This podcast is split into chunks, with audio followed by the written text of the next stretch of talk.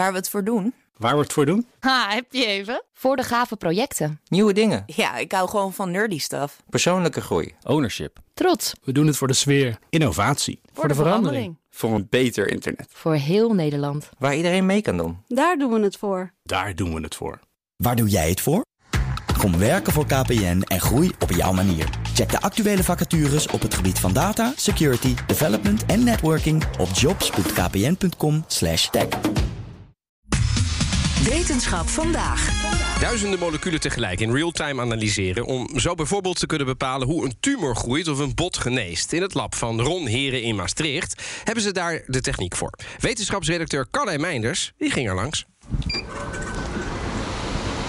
Nou, we zijn op dit moment bij M4i, het Maastricht Multimodal Molecular Imaging Instituut. Een hele mond vol, maar denk aan Maastricht voor Imaging. Ja.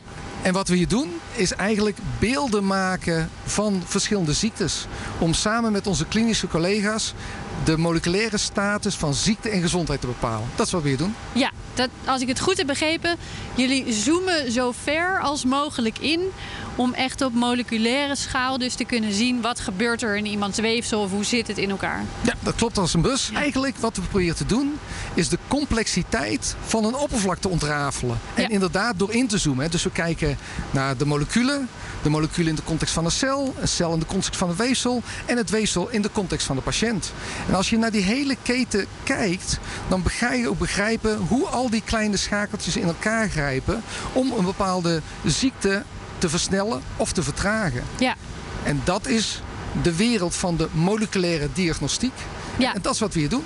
ja eh, het is ontzettend interessant, maar het is ook echt veel stappen voorwaarts, zeg maar. Van een los celletje in een schaaltje en kijken wat er dan gebeurt. Jullie kunnen al eh, naar, naar een hele cultuur kijken van cellen eigenlijk. En ook de interactie veel beter zien, toch? Ja, dat klopt. En, en dat is ook ontzettend belangrijk. Omdat als we naar een enkele cel in isolatie kijken, weten we niet hoe die cel zich zal gedragen in de complexiteit van een stukje weefsel. Dus context van een enkele cel is belangrijk. En dat is ook belangrijk voor onze klinische collega's. Wat we hier gedaan hebben, is we hebben een hele nauwe samenwerking gezocht met de medici, met de chirurgen, met de pathologen. Juist om die ontrafelde complexiteit ook meteen hun in de handen te geven. Zodat zij het kunnen gebruiken, die kennis die wij hier opdoen, om ook de patiëntendiagnostiek en de behandeling preciezer te maken. En daarmee de gezondheidszorg verkopen, zo je wilt. Eh, Ja, nou ook niet onbelangrijk natuurlijk. Zeker niet, nee. Ehm, we staan tussen allemaal apparatuur. Dat zegt mij allemaal niet zoveel, maar bijvoorbeeld hier, wat gebeurt hier? Nou, wat je eh, hier ziet staan is wat wij noemen eh, de eh eye knife, het intelligente mes. Ja, En eigenlijk is dat een chirurgisch mes zoals dit. En dit mes, daar snijdt een chirurg mee door een blad heel erg heet te maken. Daardoor ontstaat er rook. En die rook zuigen wij op in dat grote apparaat wat daar staat, een massaspectrometer. Die analyseert die rook 10.000 keer per seconde wauw. en bepaalt dan wat zit erin. En ik weet niet of je wel eens barbecue thuis, Eh, niet zo heel vaak, maar heel ik weet vaak. hoe het werkt. Ja. je weet hoe het werkt. Nou, als je een stukje vlees op de barbecue legt of een stukje vis, dat verschil ruik je. Ja. En eigenlijk is dat met dat weefsel wat, wij, wat die chirurg verbrandt als hij aan het snijden is net zo. Wij analyseren die moleculaire samenstelling, ruiken aan de rook. En daarmee bepalen we of iets gezond weefsel is. Weefsel wat aan het veranderen is in een tumor of weefsel wat al tumor is. En dat zie je daar gebeuren. Daar wordt op dit moment gewerkt aan een stukje hersentumor. Daar liggen echt eh, stukjes hersentumor Daar op liggen dit stukjes moment. hersentumor Oké. waarmee wij van patiënten die behandeld zijn... of aan de KU Leuven of hier in het Maastricht Universitair Medisch Centrum... ehm, weefsel verwijderd is. En wij proberen te bepalen wat is er in dat weefsel veranderd... om in de toekomst die diagnose nog preciezer te maken... zodat een chirurg minder hersenweefsel hoeft weg te halen. Ja, je kunt je voorstellen, dat is natuurlijk heel erg belangrijk... want daarmee Ja. behoud je functie. Oké, dus je, je analyseert die rook ter, Ja. bij het snijden al. Ja, tijdens het snijden. Dus eigenlijk wil je dan al kunnen zeggen wat de chirurg op dat moment als volgende stap moet gaan doen. Ehm, het is heel belangrijk om de marge van die tumor goed te bepalen. Hè. Waar houdt de tumor op Ja. en waar begint het gezonde weefsel? En op dit moment wordt er een bepaalde ruimte om een tumor heen gehouden. En die ruimte wil je zo klein mogelijk maken Ja, en- van gezonde cellen. van gezonde Ja. cellen. Ja, dus je wilt zo weinig mogelijk gezonde cellen weghalen. Ja.